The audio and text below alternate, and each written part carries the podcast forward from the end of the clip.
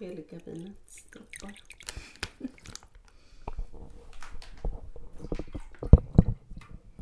Ska se, här har vi den på sju. Så sju. Heligt kiss. Sa du? Ja, det lät som heligt kiss. Mm. Jag tar fram lite helig choklad också.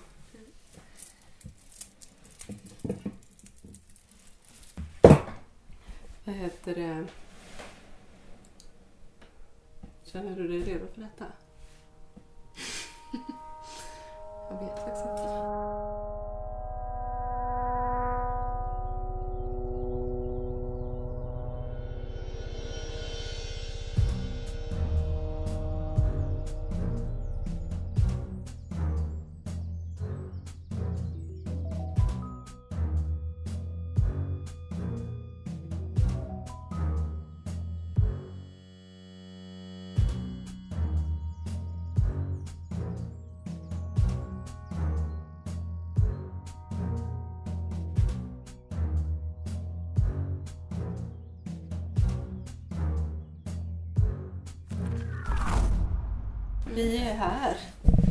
Våran bastu.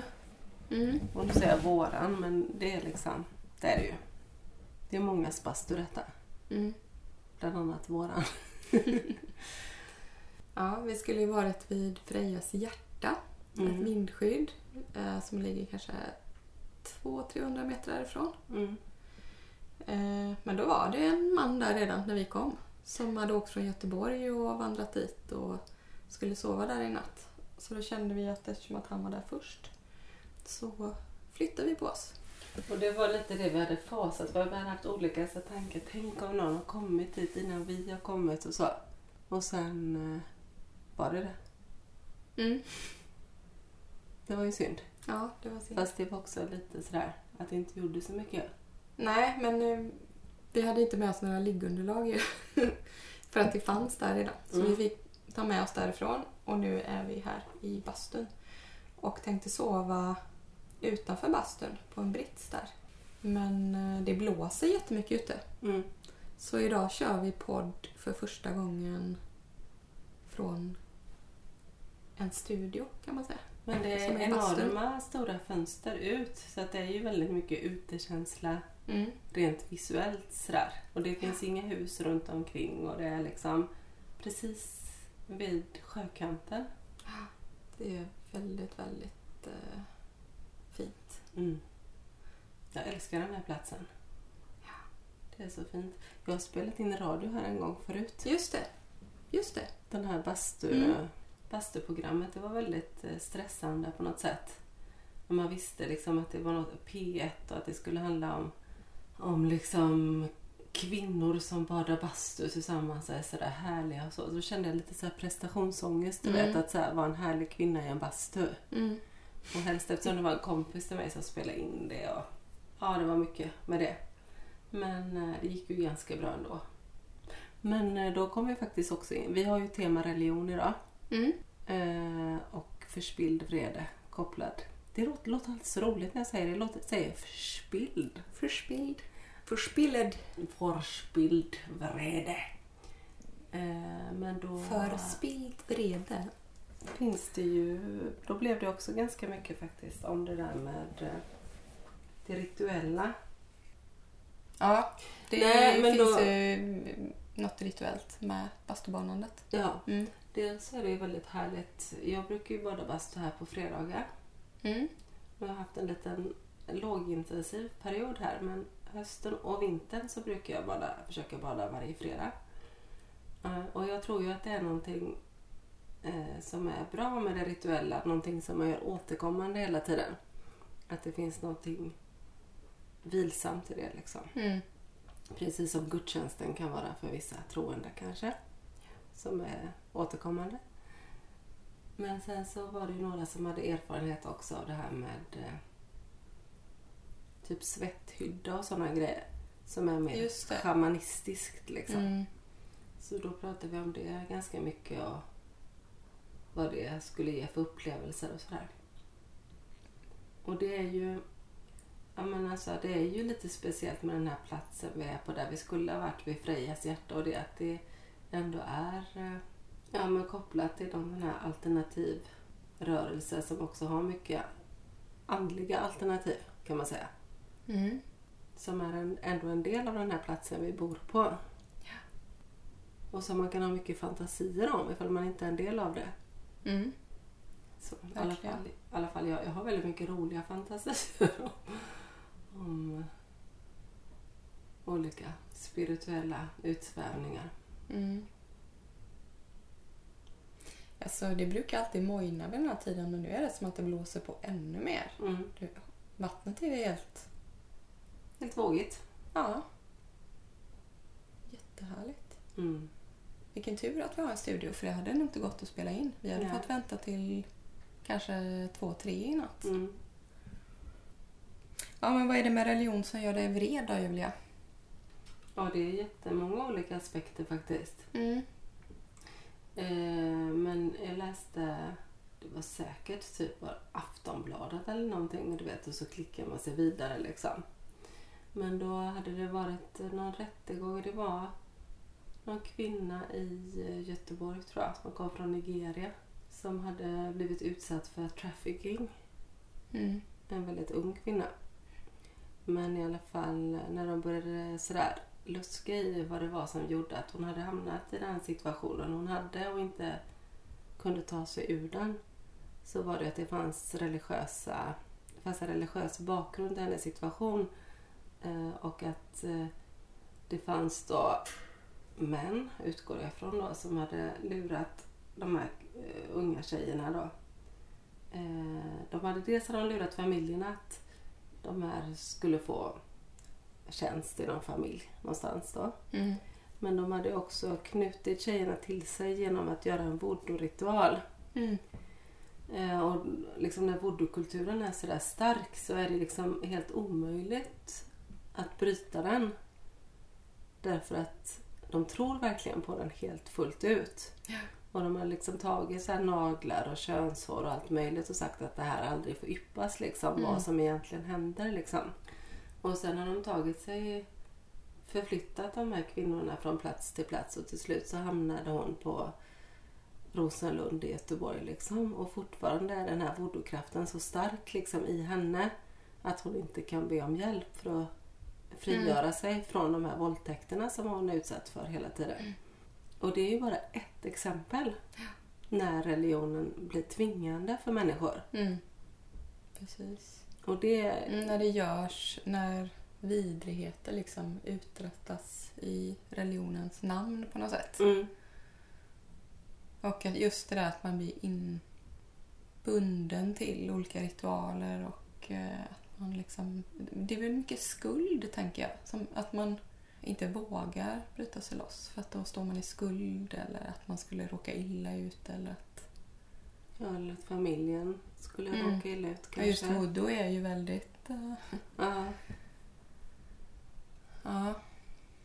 Och det tänker jag i och med att eh, tankens kraft är så stark liksom. Och jag, jag är ju inte religiös själv eller troende eller så direkt. Eh, och då eh, blir det också så frustrer- frustrerande när man vet att tankens kraft är så stark liksom. Mm. Att eh, ja men hur mycket man kan manipulera Mm. genom Guds, genom Guds namn hela tiden. Mm. Ja, men att det används, att religion, när religionen används som ett maktverktyg liksom. I negativ bemärkelse. För jag har ju också en ganska stark förståelse för varför människor liksom bekänner sig till en religion. Mm. Att det finns en massa positiva saker med att tillhöra en religion.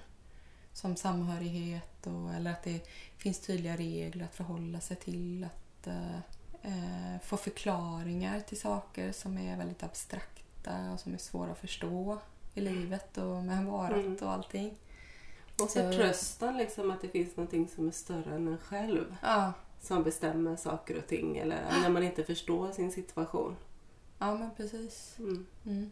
Så det finns ju en, jag har en väldigt stark förståelse för att, ja men förståelse för människor som är troende. Och jag kan, jag kan ju själv, jag är ju inte religiös, men jag kan ju ändå eh, tänka så här att ja, tror absolut att det kan vara så att det finns något som har bestämt att Mm. detta ska hända eller som har bestämt att det ska se ut så här på det här jordklotet eller så. Mm. Men samtidigt så är jag också så otroligt eh, så präglad av eh, den vetenskaplighet som hela vårt samhälle bygger på och som jag också liksom är utbildad i.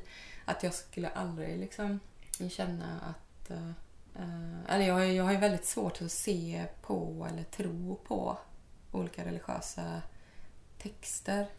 Eller ha en tilltro till dem som något som skulle vara någon slags sanning. Mm. Tänker att det är människors berättelse om det de tänker är deras religion. Eller Ja, människors precis. berättelse om det samhället de lever i och hur de vill att det ska se ut eller bli. Eller det är visionära texter många gånger. Ja, och det är ju ofta viktiga berättelser precis som, Ja. men jag lägger dem vid sidan av andra viktiga berättelser på något sätt. Ja, som handlar precis. om att vara människa. Mm. Så det är ju någonting annat att vara så här bokstavstroende och tro liksom att, att det är sant. Det som står i de texterna. Mm. Att det är en världsbild som är funktionell liksom. Det, det tror jag inte. Är du döpt och konfirmerad? Ja, det är jag. Mm. Mm. Och jag är fortfarande betalande till Svenska kyrkan. Ja. Eh, Jag, jag har tänkt på det jättemånga gånger om jag ska så här, gå ur Svenska kyrkan eller inte gå ur Svenska kyrkan. Jag vet inte. Det är några tusenlappar om året väl som går dit av skatten. Är inte jättemycket. Men, men jag har kommit fram till lite sådär också att eh, det som Svenska kyrkan gör ändå förutom att föra vidare den här religiösa traditionen på olika sätt som jag kanske inte är lika benägen att tänka är viktigt. Men de håller ju också på med en hel del välgörenhet. Eh, så på ett sätt kan jag känna också att pengarna kanske kommer till någon nytta. Ja, men jag tycker det där har ändrats. Jag gick ju ur Svenska kyrkan för kanske, jag kommer inte ihåg, fem eller tio år sedan. Mm. För att då kände jag att jag hade varit så långt borta från kyrkan under så lång tid och jag har inte konfirmerat mig och sådär. Nej. Och jag har också varit extremt liksom, kritisk mot kyrkans verksamhet och framförallt här där vi bor eh, så har det varit starkt kvinnoprästmotstånd. Sådär Mm. uttalat. Och då kände jag att jag kan inte hålla på och betala pengar eh, till en församling där det är eh, kvinnoprästmotståndare. Nej. Det går emot mina principer. Så. Eh, så då gick jag ur. Men jag tycker att i samband med den flyktingkrisen som var för två år sedan Mm. så var liksom det enda som var funktionellt nästan i samhället under den perioden och som verkligen visade att de hade strukturer som gick att få igång snabbt och så. Det Mm. var ju kyrkan. Mm. Det var så... eh, Alltså det var ju fantastiskt alltså vilken, Mm. Vilken kraft som fanns i det och hur många det fanns som på riktigt så ville hjälpa till. Ja. Och då kände jag lite grann att jag nästan så här ville gå med igen bara för att supporta liksom den kraften. Mm. Och att det på något sätt ja, men bekräftade det som Svenska kyrkan brukar säga om så här kärleksbudskapet och så. Mm. Ehm, Så det var väldigt fint. Men jag, jag är fortfarande inte med därför att jag tror på så många andra saker innan jag tror på religionen. Mm. Jag har ingen annan förening heller som jag betalar så, riktigt så mycket pengar till. Så. Nej, det är sant.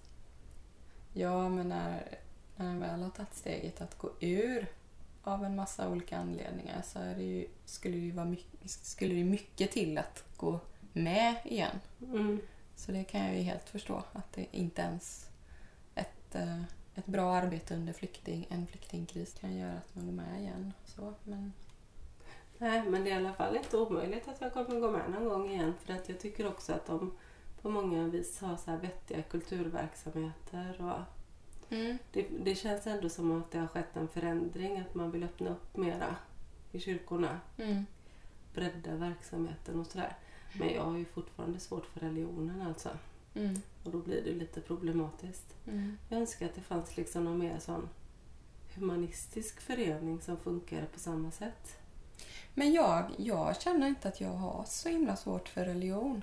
Alltså jag har ju väldigt svårt för män, när människor använder sig av religionen för att eh, tillskansa sig makt eller för att eh, eller för att styra styra ett samhälle. Men jag, religionen i sig har jag verkligen inte svårt för. Eller alltså konceptet att ha en religion. Mm. För jag tror att vi människor är ganska benägna att vilja ha någonting som förklarar saker. Och att det kan vara väldigt viktigt. Precis som du inledde med här och prata om ritualer och Mm. det återkommande och det tra traditioner liksom upprätthålls ju väldigt mycket i olika religioner. Mm. Och församlingen som funktion. Ja, det, Den det kollektiva Ja. är ju väldigt, ut, är liksom väldigt så utpräglat Mm. i religionerna. Och det kollektiva tror jag många saknar i dagens samhälle som är väldigt individualistiskt och så. Mm. När vi dessutom då är sekulariserade så är det, blir det nog ganska så här flytande för många på ett sätt som är svårt att hantera. Ja. Så på så sätt så tror jag ändå att religion på många sätt är bra för människan. Men samtidigt så ja, är det ju detta med de heliga skrifterna och hur en del människor pratar om sin religion och så som jag som då blir jag ju helt eh, anti. ja, då blir man Jag har jättesvårt att eh, känna att jag liksom... Jag dras inte så lätt med i, i saker. Så. Nej men det är väl också att man eh, är liksom så här, ja, men jag tror också så här att vi båda är verksamma inom konstnärliga fält och som konstnärer och så. Mm. Att man har en tilltro till den töjbara hjärnan liksom. Mm. Och att eh, religionen begränsar ju hjärnan på många sätt kan jag känna att så här, det finns givna svar. Och jag tycker inte att, att det är så i livet att det finns så många givna svar utan att man hela tiden vill hålla på och brottas liksom. Ja men så här, å ena sidan och andra sidan och kan det vara så här och kan det vara så här. Man håller Mm. på hela tiden. Medan religionen ska ju mer ge den här någon sorts stabilitet eller trygghet att det finns givna svar. Mm. Och om man då är en ifrågasättande person så är det ju lite svårare kanske. Och sen att det finns så otroligt många olika avarter som är så otroligt styrande som Ja men som i den här kommunen har ju till exempel alltid Jehovas varit väldigt stark. Mm. Och det är ju en religion som jag inte kan se Jag kan inte se egentligen någonting gott i den religionen. Så som jag känner den. Och så som jag känner eller vet om folk som har Den varit känns ju med väldigt där. elitistisk på många sätt. Det här att det bara finns ett visst antal personer som skulle få plats i paradiset, eller vad är det? Mm. Och det är inte många. Nej, det är är ju 10 må- 000 tror jag eller något Ja visst, det är Ja. många färre än vad som är med i de församlingarna. Ja. Så då måste, jag, jag vet ju inte, jag vet ju ingenting om Jehovas eller hur, hur det är att vara med där. Men jag tänker mig att det borde bli en viss typ av konkurrens inbördes liksom. Ja, Om det nu visst. bara finns de här 10 000 platserna. Men och det sen är det ju också så att antingen är du med eller så är du helt utanför hela systemet. Mm. Och går du ur så går du också ur din familj och du går ur liksom dina vänner och allt sånt där. Mm. Så att det är ju mm, en väldigt problematisk religion på många sätt. Mm. Ja, Det är nu jag den- känner lite det här som jag inledde med. Att, Mm. jag, att jag känner lite grann att jag kan lite för lite om Ja, religion för att sitta och uttala mig. För att jag kan, jag, nu Att det är lite så bara, Nu vet, tror jag att jag vet en massa saker om. Jehovas och så kanske jag inte alls... Nej, nej, men du måste Men, ju inte eh, veta. nu- Du kan ju bara säga så som du Jag pratar känner. bara om det som jag vet och sen så...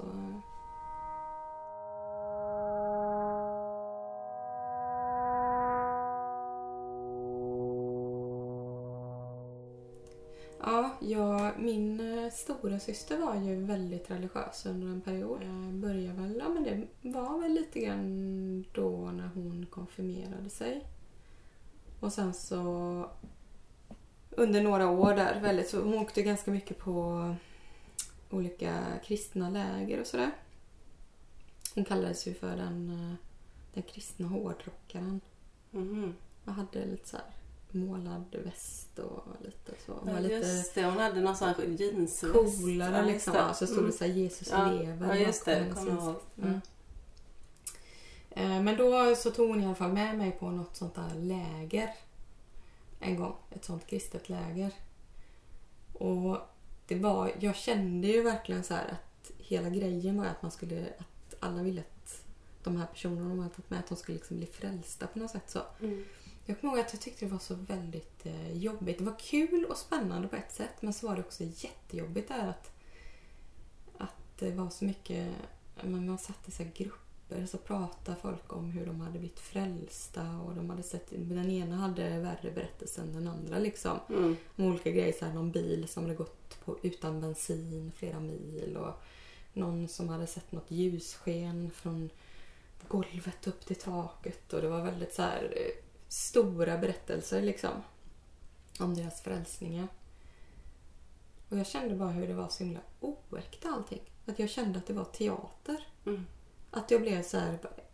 Jag, jag, jag tyckte bara det var så ytligt. Sen skulle man gå runt och knacka dörr för att frälsa folk och jag var inte Mm. ens frälst själv. Så det, usch, det tyckte jag var bara så obehagligt. Vad var det för slags församling? Ja, jag vet inte. Jag vet inte vad det var för något. Men i alla fall så kommer jag ihåg den känslan och den kan jag få fortfarande när jag, när jag eh, kommer i kontakt med eh, människor som är lite för spirituella för vad, vad jag liksom har lust med. Och jag, annars kan jag själv vara ganska rituell och ha mycket så här idéer för mig om olika saker och också väldigt jag får ju också upplevelser som skulle kunna liknas med religiösa upplevelser som till exempel när jag är i naturen eller Mm. som när vi badar nakna förut eller så här, att jag verkligen får en känsla i min kropp som är väldigt stor och som är svår att förklara. Och när man bara så funderar på vad är allt detta Mm. som jag är i här? Mm. Och vad handlar det om? Och det måste betyda något liksom. Och vem är jag? Och vad ska jag göra här? Så. Men eh, när det som jag tycker är obehagligt det är när det kommer massa människor och liksom tänker sig att de har svaren på alla de här frågorna i en religion. Mm. Ja, men det är för att Moder Jord, eller det är för att Gud, eller det är för att Jesus, eller det är för att Allah, eller det är för att liksom Mm. att det finns en massa sådana och som ofta är ganska enkla förklaringar. De är alldeles för enkla för mitt tankemönster. Jag vet. De är liksom, det funkar inte för mig. Jag går inte igång. Att, jag, jag eh, tror inte på det. Det blir fel. Nej men för jag kan också, jag har haft en del sådana religiösa upplevelser, jättestarka liksom. Ja. Eh, Och jättepatetiska. Mm. Verkligen, du vet, så man tänker så här. Det här är en sån dålig religiös... Alltså samtidigt som jag har en religiös upplevelse så kan jag känna så här. Det här är en sån dålig religiös upplevelse. För det är som att man liksom har spelat in en religiös upplevelse på film. Mm. Och så ska man liksom, att du vet att man ska så här bildsätta så här en religiös upplevelse. Mm. Och så är det precis den jag har. Mm. Och bland annat en gång när jag mediterade var på en sån här yoga. Det var kundalini-yoga. Och då satt vi så här långa meditationer och så var det även med gångspel och så. För det sätter ju verkligen igång så, liksom vibrationer i kroppen och hjärnan och så. Mm. Och i den där meditationen så såg jag liksom verkligen, du vet, man brukar ju prata om de här olika, att man har olika cha- chakran och så har de Mm. olika färger. Och plötsligt så här, utan att jag ens hade det inlärt så såg jag verkligen de här färgerna i chakrarna i min kropp och sen så, så, här, så tittade jag upp genom mitt eget huvud och så, och så tittade jag och så var det som en sån här riktig lotusblomma. Mm. Och samtidigt som jag såg den här blomman Fan, var helt... Ja, du vet, den var så otroligt sådär vacker och verklig och så. Så började jag liksom nästan skratta för att det var så komiskt att det var det det var. Alltså det var precis det det förväntades vara liksom. Och alltså upplevelsen var sådär jätte, jättestark och jättebildlig men jag kunde liksom ändå inte riktigt ta den på allvar för att den var så klyschig liksom. Mm. Men upplevelsen i sig var ju så här också härlig och stark och så. Mm. Och jag har haft flera andra sådana där meditativa, starka andliga upplevelser där, där det har känts som att så här, man går in i någon annan något annat tillstånd som Mm. är fantastiskt. Liksom. Mm. Men från liksom den upplevelsen eller också, också kunskapen om att här, hjärnan kan ge en de här starka, starka Mm. känslorna till att det som du sa, att här, förklara saker sådär eh, ett till ett som gör att människor till exempel kan ta sina liv för en religions skull. Mm. Mm. Alltså det hoppet är ju så otroligt stort. Ja, verkligen. Och att det också är ganska... Menar att det har varit vanligt genom historien och är det idag också. Mm. Att vi har haft liksom så här korsriddare som ger sig ut i strid Mm. för religionens skull.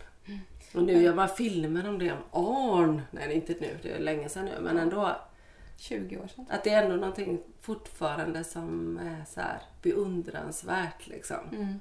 Att vara riddare i trons namn. Ja. Jo, men vi har ju några korsriddare. Mm. Breivik. Alltså i Ja, modern visst. tid Ja, på visst. riktigt. Ja. Som är liksom väldigt så här, fast i en tro. Där han är helt övertygad om att det är Mm. på ett visst sätt. Mm. Och vi har Al-Qaida, Mm. liksom. Mm. Ja, de kanske NMR. är borta. Mm. Visst. Nej, men jag tänkte på det du sa om yogan där. Eh, när man just eh, utövar en sport eller utövar någonting där kroppen... Eh, där man pressar kroppen till någonting eller där man liksom väldigt så upprepande gör någonting med sin kropp. Kan ju utlösa sådana känslor. Jag tänker att det är också sånt som kan komma när man springer. Mm. eh, när man är ute och joggar. Så kan man ju komma ibland, inte alla gånger, men ibland när man är ute och joggar så kan man hamna i en sånt eh, tillstånd där man känner att nu jag kan springa hur länge som helst nu. Jag kan springa Mm. liksom, det finns inget stopp. Jag har all kraft i världen och jag kan springa bara i oändligheten. Mm. För att man får det som att kroppen bara går av sig själv och det är ju också lite grann en sån... eh, Det är väl endorfiner och så. Ja, det är någonting som händer med kroppen som liksom gör att man bara ser den där lotusblomman. Ja. Nej, men alltså att det är någonting ändå som någon slags eh, uppenbarelse på ett Mm. sätt. Mm. Ja, men eh, det är ju fantastiskt Mm. att få uppleva sånt. Men också så här... Alltså typ transkulturer och så. Mm. Vad Det menar ju- du säger transkultur Nej, nu i detta, i detta sammanhanget? Men sådana religioner där det handlar om att så här eh, falla i trans. Ja, ja. Till exempel genom dans eller droger eller så. Men oftast är det ju inte, kanske inte krävs så mycket droger utan mer alltså kroppsliga upplevelser som blir religiösa. Mm. Ja, dans kan ju verkligen utlösa... Ja, men och dans och trummor och liksom hela den här grejen där man liksom eh, ja, verkligen framkallar det där tillståndet där man inte längre vet vad som är kropp och sinne och liksom Mm. eh, religion och sådär. Det har ju också, som jag förstår i alla fall, funnits i alla tider att, man liksom, att människor har haft en längtan efter att känna någonting som är större Mm. än sig själv. Liksom. Och så har man hittat på olika ritualer för att framkalla den där andliga, Mm. storslagna känslan. Och också använt ganska mycket droger Mm. för att framkalla den storslagna känslan. Ja, visst. Ja. Ja, men allt det där ligger ju nära så här droger, sex, religion. Liksom. Det finns ju någonting där som är alltså att, att komma utanför sig själv på något vis. Är det inte Mm. det? Att det Mm. finns en vila i det. Och också något, eh, alltså det är både det och så här ett obehag att tappa kontrollen. Liksom. Mm. Orgasmen är ju ganska intressant. Som, Som eh, religiös. som religiös upplevelse. Nej men att det skulle kunna liksom... Eh, om man tänker på det rituellt så. Mm. När du räknar upp sexet i samma...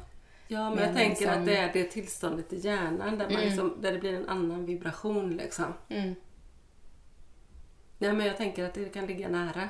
mm. Ja. ja men det är ju ofta, jag tänker på såna här sekter och så, så är det ju ofta väldigt knutet till sexualitet. Mm. med någon manlig guru eller ikon eller Mm. ledare Ja.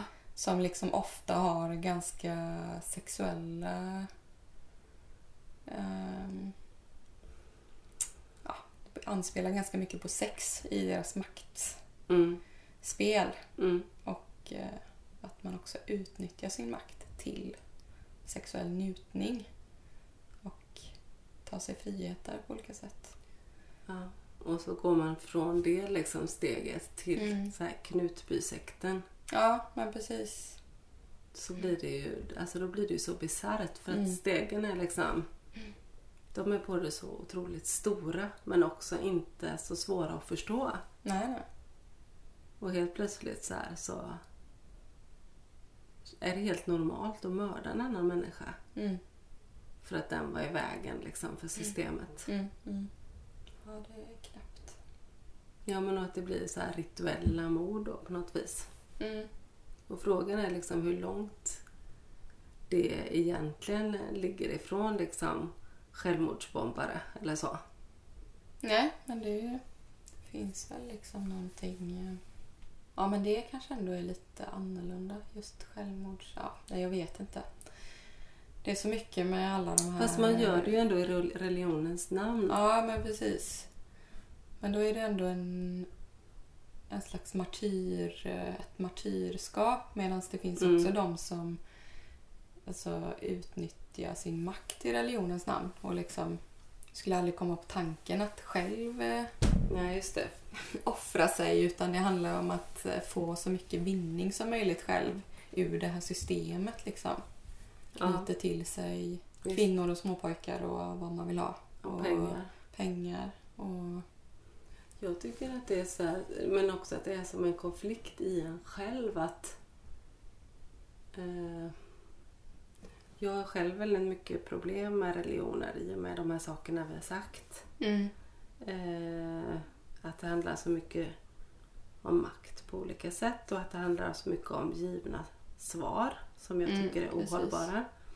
Samtidigt som jag känner detta så känner ju jag krav på att känna religionsfrihet.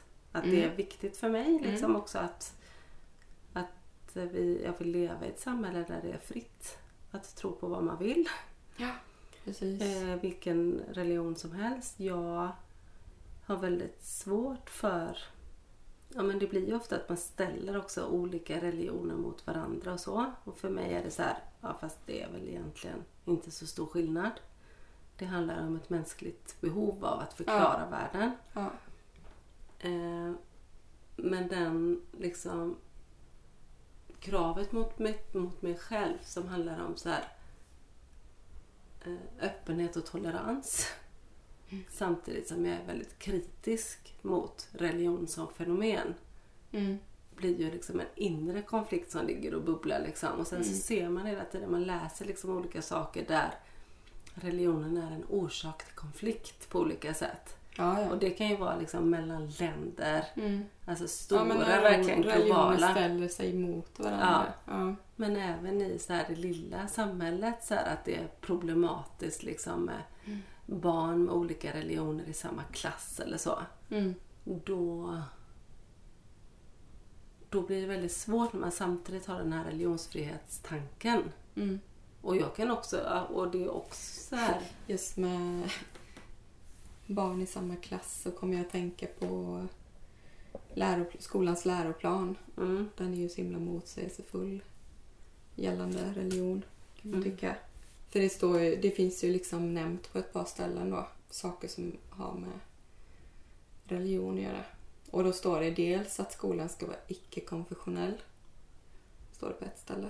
På ett annat ställe så står det att skolan ska vila på västerländska och kristna värden och traditioner. Eller Mm. något sånt. ja.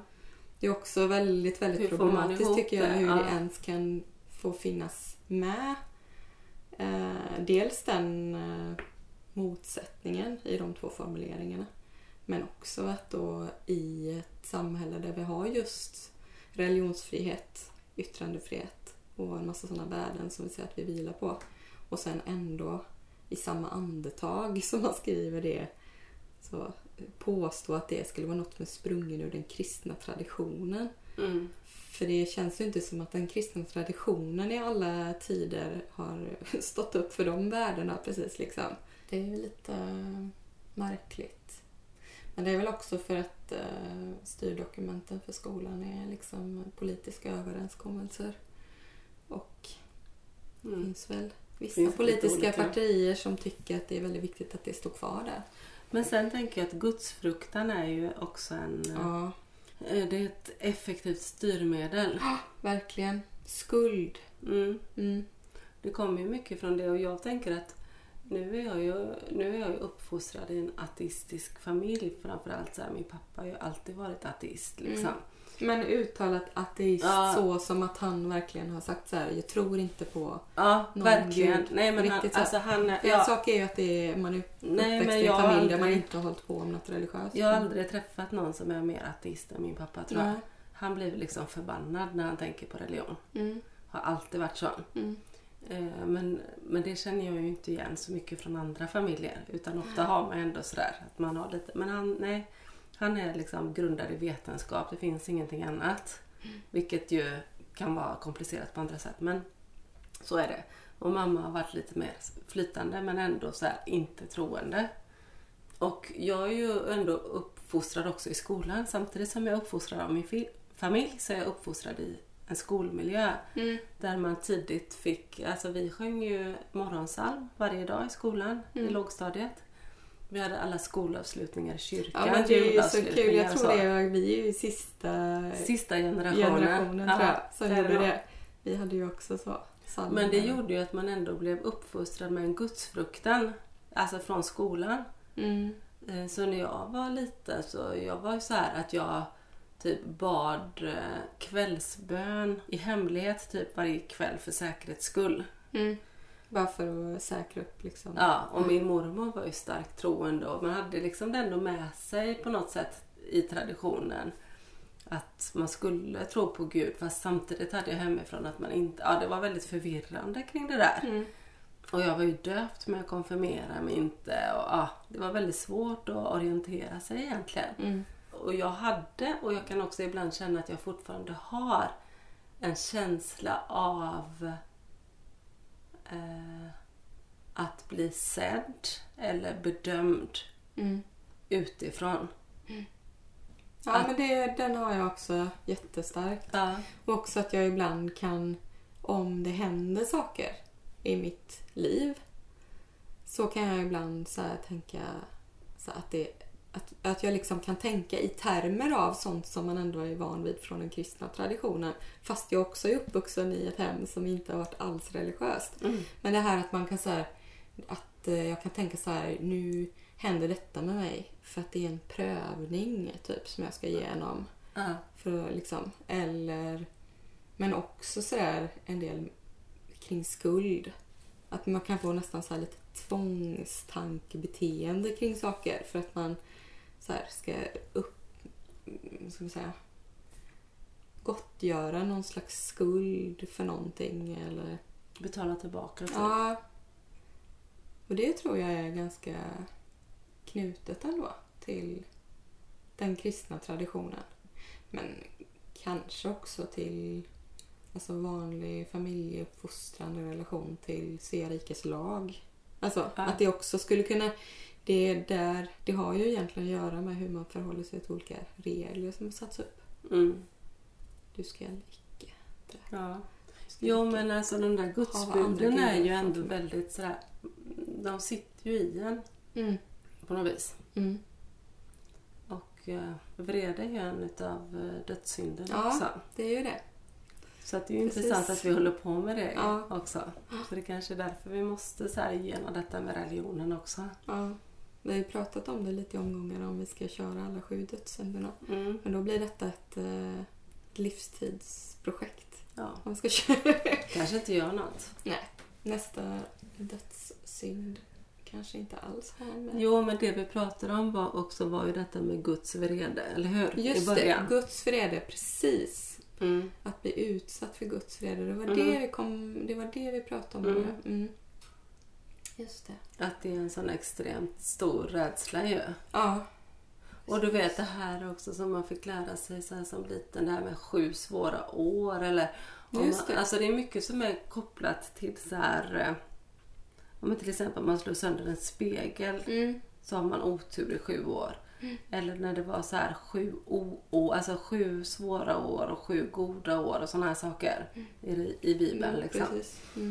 Att man ändå präglar på det, att man kan tänka så här, men nu har jag nog de här svåra åren eller så som du säger. Att Mm. nu, har nu ska jag nog betala tillbaka eller, Mm. eller jag kan inte ta för givet att jag ska ha det så här bra. Nu kommer det snart vända. Mm.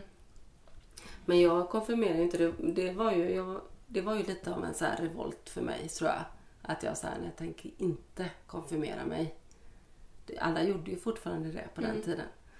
Eh, att jag inte ville bekänna mig liksom till något som jag inte... Men tror du att du var påverkad då av din pappas ateism? För jag minns Ja. att jag inte så här ens egentligen tog ställning till det. Jag konfirmerade mig för att alla andra gjorde det. det var lite, jag var lite mer... Nej, men dels så var jag påverkad, eh, men jag var nog framförallt påverkad av min kompis Lina som inte... Alltså det var vi två som inte gjorde det. Vi gjorde det, det var våran grej liksom. Att Mm. vi, vi ville väl liksom gå våran egen väg på något vis och så. Mm. Och eh, ja, vi tyckte väl det var töntigt. Mm. Helt enkelt på något vis. Ehm, Men det var roligt på konfirmationslägret. Ja, det tror jag. Och jag, och jag var också så här att det var ändå så här, åh nej, då kommer jag inte få några presenter och det, hur ska vi göra då? Men då så sa min mamma så här, kan få en present ändå, gör som du vill. Mm. Var bra Mm. faktiskt. Men jag tror också jag var lite så här rädd för religionen och du vet för att ta nattvard och vem skulle man bli då liksom? Tog du nattvarden? Ja, det måste jag väl ha gjort. Vem har du blivit efter det? Man vet aldrig vad jag skulle varit annars. Nej. Nej. Det är så mycket jag har tagit Julia i mina dagar. Ja. Som har jag gjort att jag har känner blivit liksom- en helt annan. Ja, men jag känner liksom Ja men det där med nattvarden, att det var det som är lite magiskt, du vet att så här, man bekänner sig till en religion och nu ska jag ha den här religionen för alltid liksom. Mm. Jag tror jag var rädd för att bestämma mig. Mm. Du tog det så bokstavligt liksom. Mm. För jag tänkte inte alls på det så. Det var mer som att man gick i skolan.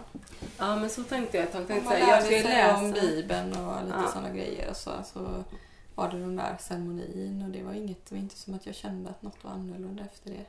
För jag tänkte ett tag sedan att jag skulle läsa konfirmationen men inte ta nattvarden. Mm. Men sen så tänkte jag så här, äh, jag orkar inte. Jag går ut och festar istället på helgerna. Och sen så kände jag efteråt att tänk om jag missat någonting. Vet du vad jag gjorde då? Då bad du. Nej, då läste jag hela Nya Testamentet själv. Mm. Det var seriöst. Ja, verkligen.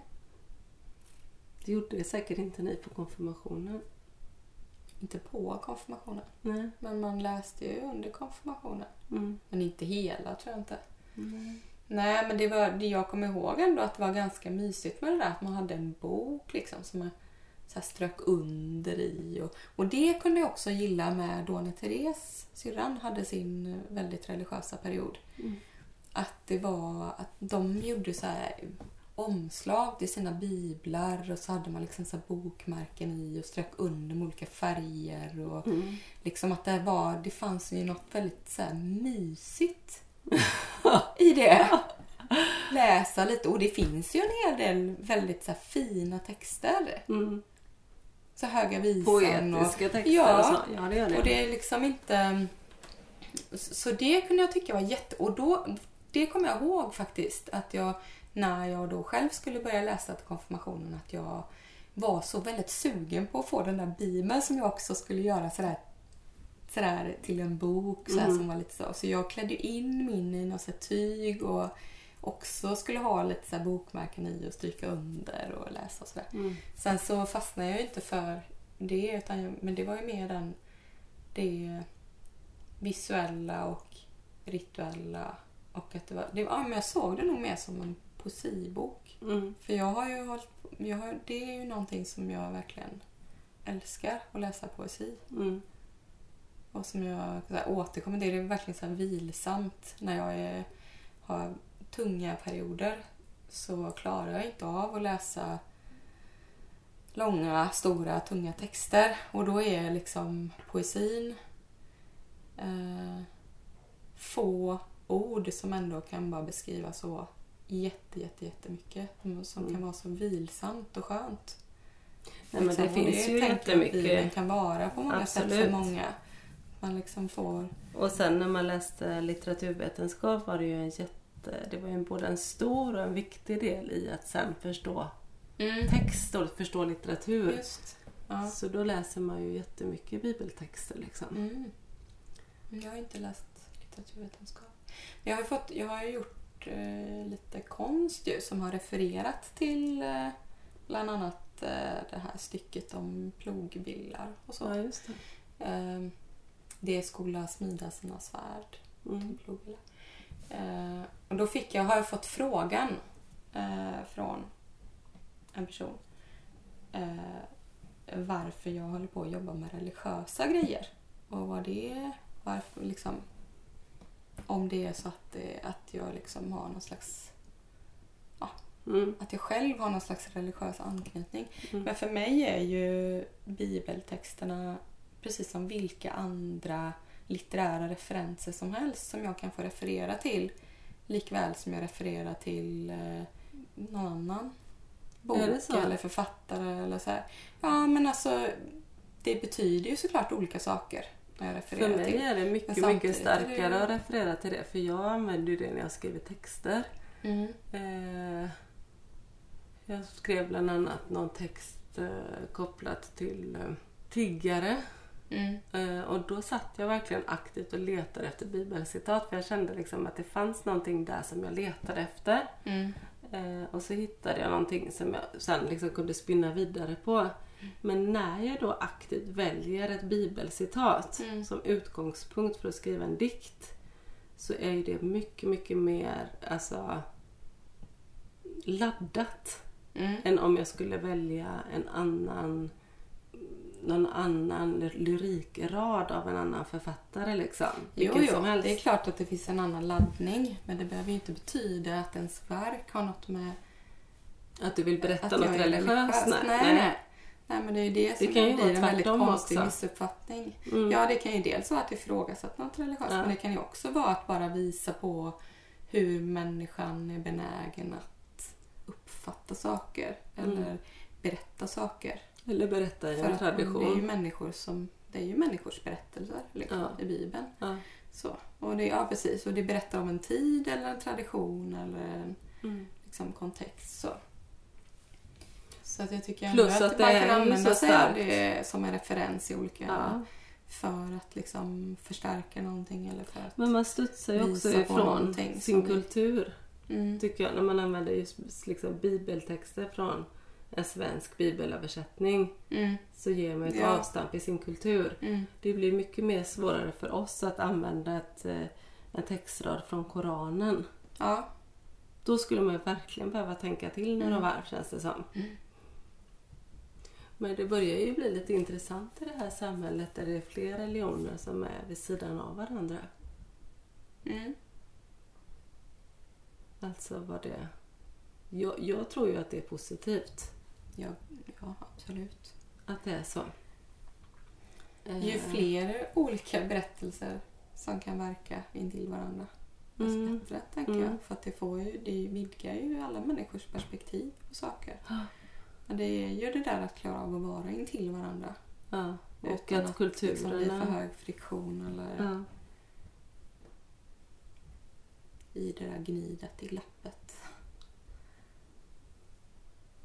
Ja, det är väldigt, eh, det är väldigt krångligt alltså. Det är väldigt krångligt tycker jag att tänka kring det och det är liksom krångligt att reagera på det. Och eh, att vara i det. Och jag kan också bli väldigt provocerad av, eh, som man märker nu lite grann i den politiska debatten då, eh, människor som inte alls är särskilt religiösa, som är liksom väldigt sekulariserade i hela sitt levnadssätt, ändå använder sig av andras religion som slagträ för att inte tycka om någon eller inte tycka att någon är välkommen hit eller vad det kan vara. Mm. Att, eh, och, och då i samma, ja men om man tänker sig den här att en del vill liksom eh, förstärka någon slags motsättning mellan eh, kristendom och islam till exempel. Att man då börjar vila sig mot kristen tradition och så fast man själv egentligen inte ens överhuvudtaget har utövat någon slags kristen tradition eller religiös... Eller så. Mm. Och då plötsligt då är det viktigt att man liksom använder sig av den retoriken. Ja. Det, det gör mig jättearg alltså. Så mycket skit som delas på Facebook och, och så av människor där man märker det, mellan raderna så handlar det bara om en rädsla för att eh, låta någon komma in på ens eh, Mm. den mark som man anser vara ens egen eller att man har rätt till eller så. Ja. så mycket Att man kan vila. och Man kan vila sin främlingsrädsla i det religiösa. ja. Och att det plötsligt då blir så himla viktigt med religion fast man liksom inte har överhuvudtaget tyckt att det har varit så viktigt innan. Nej, precis. Men jag tänker att eh, religionens funktion också ju mycket handlar om det här med att eh, stå ut med döden. Mm. Ja men så är det ju säkert. Ja, och det har jag alltid känt liksom som, jag menar man väljer ju också att vara religiös eller inte. Det är ju inte bara att man blir frälst eller inte. Jag kan ju välja att känna att jag blev frälst när jag såg den där lotusblomman eller så kan jag välja att inte se det så. Mm. Jag tycker det det nu är. låter som att någon hade smugit in ett LSD-frimärke i din armhåla eller något. Ja, det var nog något sånt kanske. Nej. Men i alla fall så om man då har valt att inte vara religiös så blir det här med döden lite mera... Mm, det får lite hårdare kanter. Mm. Därför att det är mycket härligare att tänka på ett liv efter döden än att tänka på inget liv efter döden. Mm. Eh, Och det tänker jag liksom är verkligen en, en funktion hos religionen att så här, ge tröst eller ge eh, hopp eller, Mm. eller så där det inte finns någon tröst eller hopp. Mm. Nej men det kan väl vara en eh, möjlighet till tankeflykt liksom ifall man inte att man tänker så här, ja ja men sen kommer jag få allt detta. Mm. i livet efter detta. Det är ju lite... Det blir ju en flykt. Mm. Det är ju bättre att försöka göra något av det som är här. Det är det enda vi vet finns. Jag tycker det känns så himla meningslöst på något sätt. Att ägna så mycket tid Mm. åt att, eh, åt att liksom fundera över vad som ska hända när jag dör. Istället för att bara göra någonting av det som är här och nu. Det är ju i och för sig ingen motsättning, man kan göra båda, både och. Men jag tycker jag har väldigt svårt att eh, hålla på och lägga massa tid och energi på det som jag ändå inte vet något om. Men har du någon så här favoritgud? Nej. Nej. Tror jag inte. Har du en favoritgud? Nej, jag växlar hela tiden. Men det finns ju en del roliga gudar. Mm. Sådär. Och hel, helst tycker jag så inom hinduismen Hindu, och så. ja, Idag precis. finns det så många man kan välja på. välja på. Kan välja en ny varje dag. Mm. Jag tänker inte så mycket på gudar. Eller jag tänker inte så mycket på... Men nu tänker Det- du inte på alltså- Freja, kärleksgudinnan, när vi var där vid Frejas hjärta? Inte så mycket. Nej. Alltså det blir för abstrakt. Jag tycker inte att det är intressant. Eller jag tycker det är helt ointressant faktiskt. Däremot kan jag tänka på möjligheten att det finns något. Men Mm. de här, alltså de här eh, Symbolerna bilderna av hur Gud skulle vara som människor har hittat på som är fantasifoster. eh, De är helt ointressanta. för mig. Eller Ja, det är ju intressant och kul att läsa om det men jag menar i just som en gud, Mm. gudsymbol för mig så är det helt ointressant. Ja. Även om jag också skulle kunna skriva under på att jag tror kanske eventuellt att det skulle kunna finnas något. Men det kan också vara att det inte finns något. Men vad som är Och det spelar störigt... egentligen kanske inte så stor roll för mig att veta det. Nej. Det är väl det att jag tycker att det, jag undrar hur det kommer sig att en del tycker att det är så himla viktigt att veta det så de till och med hittar på vem den är. Ja, Och men också att man blir så här, precis livet. som det vi sa, liksom, att man blir så präglad från skolan och så. Så är ju också den här liksom, gamla gudsbilden har, har ju satt liksom, en prägel av den här patriarken. Liksom, Farbrorn med skägg. Ja, Ja. det är så otroligt. Det tar ju ett helt liv att komma ifrån den bilden om man vill skapa Ja. en annan bild om. Och att Jesus, Jesus också, Guds son, som liksom är så blond och, Mm, blond och vit. mm, Det är också, men alla så visuellt hur vi har fått, vi här i Sverige har fått Bibeln och Bibelns berättelser tilldelat oss. mm. Så är det ju väldigt... Och den heliga kvinnan, Madonnan liksom, Mm. som bara ska så här föda det här Jesusbarnet liksom. Men egentligen inte betydelsefull själv alls. Nej.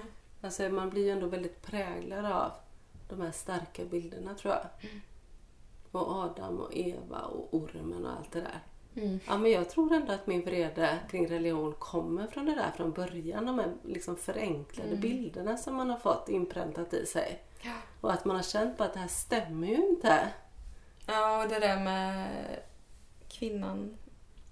Hur kvinnan skapades av Adams revben och så till exempel. Och att man ska bära Kvinnan alltid är den sekundära. Sekundär plus den som bet i äpplet och allt det där. Och att vi fortfarande liksom nu ska gå runt och bära på någon låtsas skuld och skam kring det. Det är så jävla störigt ju. Mm. Men tänker du att du gör det? Eller Eh, tänker jag- du bara tänker du det nu som en struktur som liksom har Jag utvecklats i att- samhället utifrån den kristna värderingen? Det tror jag. Mm. Ja. Och så är det ju med mycket. Mm. Att man märker att det är... Och att det gör, att liksom det gör mig så arg att jag ens ska behöva förhålla mig till det motståndet. Mm. Därför att man är fostrad i den kulturen. Så. Samtidigt så är det ju väldigt mycket som har förändrats under ganska kort tid om man tänker ändå. Eh, om man bara... Mm. Att det finns en förändring bara under våran, eh, våran generation men också liksom om man tänker på i ett större perspektiv så, så finns det ändå hopp, tänker jag, om det. Mm. Med kvinnans skuld i relation till religionen. Att det ändå finns en ganska tydlig förändring i rätt riktning. Jag hoppas det. Men eh, det är ju också olika delar av världen. Så vi, har, Ja. vi är ju väldigt privilegierade vad gäller det. Här. Att Ja, inte vi är lika alla- förtryckta och lika... Och sen är det olika här också. Ja. Jag tror det är ganska många som lever i Sverige som är förtryckta av religionen. Av religionerna. Därför att det finns så många religioner Mm. här. Man kan Mm, är det av. Och jag menar, eh, det är fortfarande ganska många tjejer som bor i Sverige som tvingas till äktenskap som de inte vill vara i och så. Mm. Så det är liksom inte inget problem som är överstökat. Om man säger Nej, så. verkligen inte. Jag menar bara att omfattningen Mm, är ju en annan mm, idag. Men det är ju också så en cirkulär rörelse. Eller liksom att det inte bara är någon utveckling som går åt ett håll. Utan att det kan ju också i ett slag eller under en väldigt kort tidsperiod plötsligt bara svänga helt åt andra hållet. Ja, det är ju det som Det är är, det som är så märkligt osäkert. när man tittar på så här Irans historia eller mm, i Sverige också så är att det var mycket friare. Eh, jag vet inte exakt hur det är men om man tänker sig under när vi fortfarande hade våra asagudar och så så Mm. fanns det ju en större frihet för kvinnan att det också fanns kvinnliga gudar och så i den svenska traditionen som försvann med kristnandet liksom. Och nu är jag ju fort, lite grann ute och tassar igen i min okunskap men kring religion. Men, nu- Men jag tänker mig att det ändå då har blivit ett större förtryck av kvinnan efter det. Men det vet jag inte. Exakt.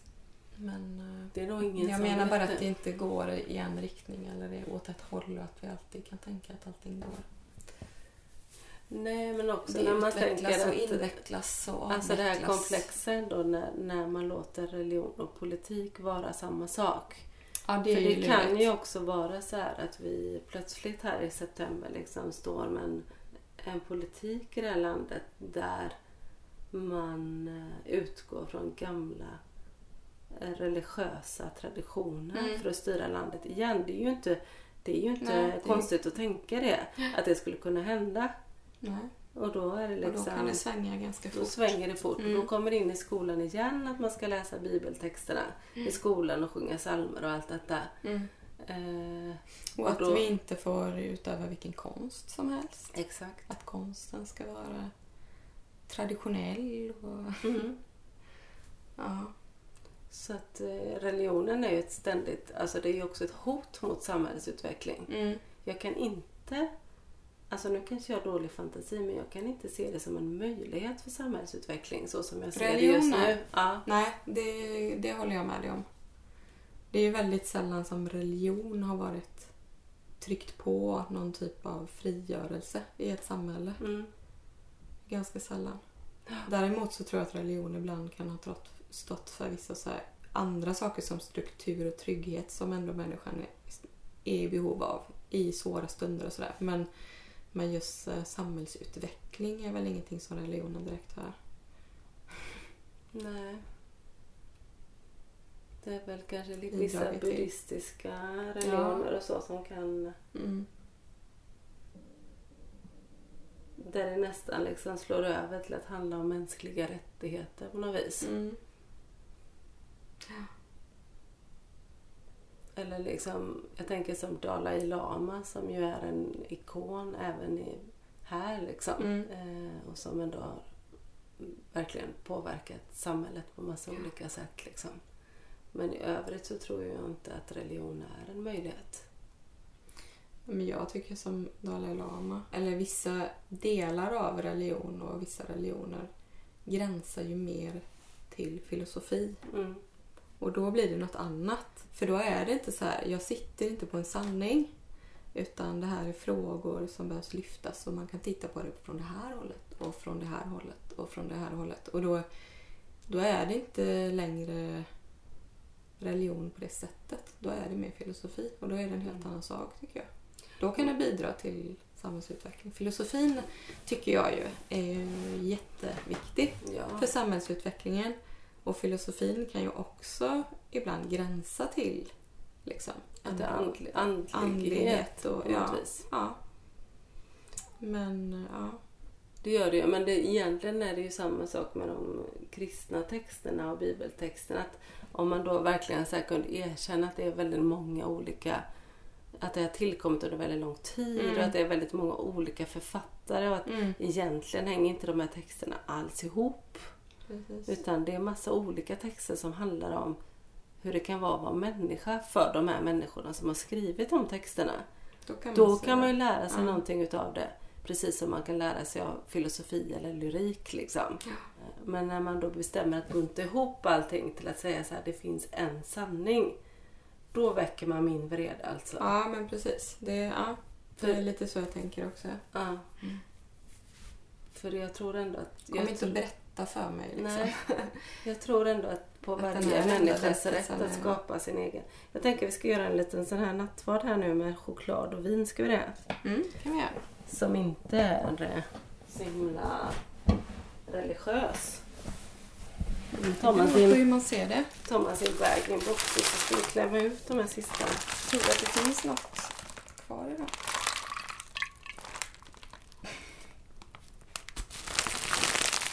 Det är vitt vin också så det går inte metaforiskt att tänka att det skulle vara någons blod. Du kan tänka på att det är kiss och bajs. Chokladen och vinet. Ja. Vi tror på kroppens andlighet. Ja. På norsk här. Track, och vårt altare här. vad är altare av kottar, pinnar och stenar och blad. Mm. En träbit och lite ljus. Ska vi berätta lite om de här sakerna vi har i altaret här? Vad vill du Du, eller vill du ta nattvarden? Nej men jag bara tänkte Jag på det här att vi, direkt vi gick ju dit till Frejas hjärta som vi pratade om förut. Mm. Men eftersom att vi inte kunde vara kvar där så tog vi med oss delar därifrån. Så vi har tagit med oss lite stenar och kottar Som små ekorrar har bitit på. som ekorrar har ätit på. Oj. Och lite stenar från stranden. Men jag tror Och ändå ett liksom... litet vrak, eh, lite trägrejs här från när vi gick. Och ett eh, löv som ser ut som ett hjärta som fastnade i min ryggsäck när vi gick mellan Frejas hjärta och hit. Mm. Och vi har haft ganska andliga upplevelser av naturen idag. Mm. Eh, Det är väl det man kommer tillbaka till hela tiden, som jag kommer tillbaka till hela tiden. Mm. Och jag känner verkligen, alltså, om man ska prata om heliga saker. Så för mig, eller religiösa upplevelser, så är ju nakenbadet i insjö för mig något väldigt, väldigt eh, skönt. Men du Och vet, nästan så att jag känner när jag gör det att det är meningen med livet. ja, Så kan jag känna. Men så, eh, då får du tänka på att om du gör det nakenbadet i havet mm, så är det som att bada i champagne. mm. För då Jag blir det lite sådär bubbligt. Det är som en extra massage tycker jag. Ja, jag tycker mycket bättre om insjö. Jag tycker om att Jag bada älskar i na- doften av mareld. pors. Ja, Ja, men mareld är ju fantastiskt. Men det är ju det är ju magiskt. Mm. Verkligen. Är det som att vi tillhör olika religioner nu? Mm. Att jag tillhör havsreligionen och du insjöreligionen? Mm. Men vi ska nog kunna komma överens ändå. Mm, jag tror det. Vi kan leva sida vid sida. Alltså vi kommer ju alltid förstå Vi att vi har ett motstånd så- mellan Mm. oss. Vi kommer ju aldrig förstå varandra helt och hållet. men, vi kommer kan, ändå kunna sova på samma brits. Ja, det kommer vi kunna göra. Och vi kommer ändå kunna acceptera det här med hav och sjö. Och jag badar i havet. Och jag Ja, badar i du sjö. badar i sjö. Mm. Så jävla kinkigt är det inte. Nej. Men ändå fattar man att vi ändå inte helt fullt Nej. ut kan förstå varandra. Nej, jag kan inte fullt ut förstå det med havet faktiskt. Och jag kan inte helt fullt ut förstå det här med den svarta sjön. Nej. Nej. Blodiglarna och så vidare. Hur många gånger har du fått en blodigel om jag får fråga? Vida fick en på sig igår. Mhm. Här i Hellunge. Oj. Mm, du ser. Mm. Ja, men det, jag tror det har hänt mig en gång i hela uppväxten. Mm. Men hur många brännmaneter har du skimmat på Åh. i din dag? Det är bara härligt. Då känner jag bara att jag Det lever. är så skönt. Det är som med bubbel. det är som en extra. Nej men skål för det då. Ja, skål. Klirr. En kåsklirr. Mm. Mm. God eh, oblat får jag säga. Mm, det var bra. Krämig och god. Jag har ju ätit oblater faktiskt utan att ta nattvarden och det är ju jätteäckligt. Det är ju bara det är som ju en bara som tunn risflan. Mm. Ja. Nej, det är inget för mig. Då kan det vara med kristendomen. Och det är därför jag inte konfirmerar mig. Det är äckligt. Hade de, hade man fått choklad Ja, det har varit en helt annan och vitt vin istället Mm. för rött. Då. Jag är ju allergisk mot rött vin. Det är också Ja, ja. något religiöst. Mm. Har min egen vita vinsreligion. Och även det här med bastureligionen är ju stark för mig som är Mm. här, här nu. Mm. Det tycker jag. Kan en Mm, and, andlig rening. Svettas ur all gammal skit liksom och så bara simma ut. Ja, men just, eh, just så här. Bastu i kombination med vatten. Mm. Havet eller sjön spelar inte så stor roll, men just den här kombinationen. Det är fint. Mm. Det är inte riktigt lika roligt att basta på badhuset liksom. Nej. Undrar hur det kommer kännas nu när vi ska gå ut där och lägga oss på den här britsen. Mm. Jag ska, bara, ska vi bara ta med den här bara ut så man får lyssna på vinden en gång? Det gör Så man höra skillnaden liksom här inne i den här underbara Studio. våran Bastustudio. bastustudio. Och så ska vi ut och sova nu i detta.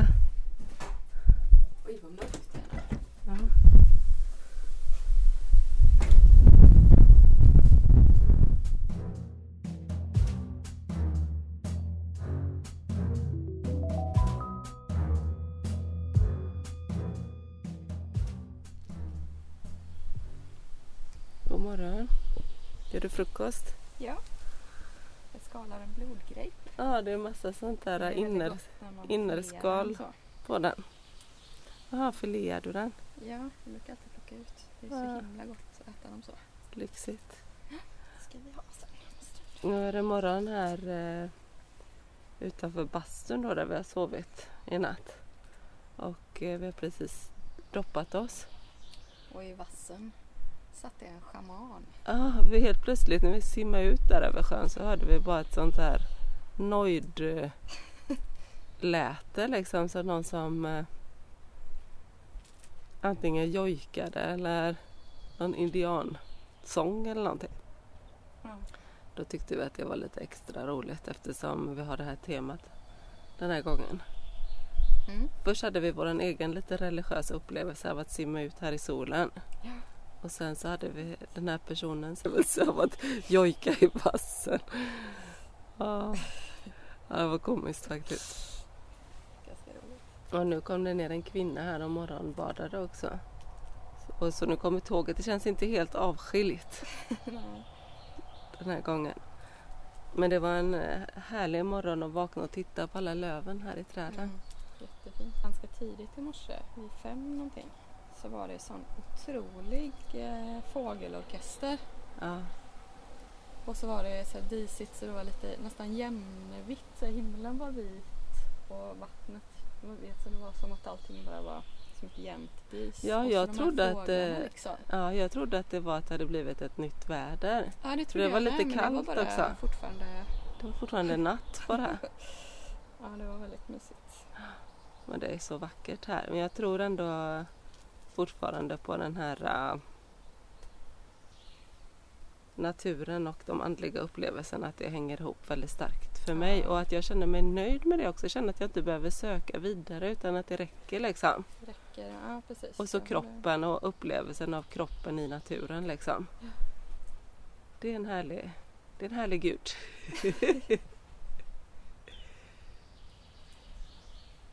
Ja.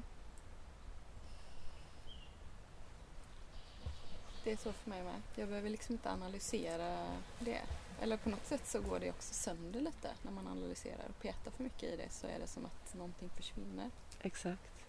Så Att det blir patetiskt istället på något vis. liksom- ja. Och att så här, eh, naturen och djuren och det här som är här just nu kan bara få vara sig självt utan att jag behöver tillskriva eh, någon att ha skapat det eller eh, ge någon cred för det. Som jag inte vet om den finns eller inte utan det räcker gott för mig att det är så här. Det ger ju också motivationen liksom till eh, att eh, gå vidare med den här vreden som vi har känt kring naturförstöring och så. Mm. Att det blir så tätt kopplat till den här upplevelsen Ja, att det är någonting man vill bevara. precis.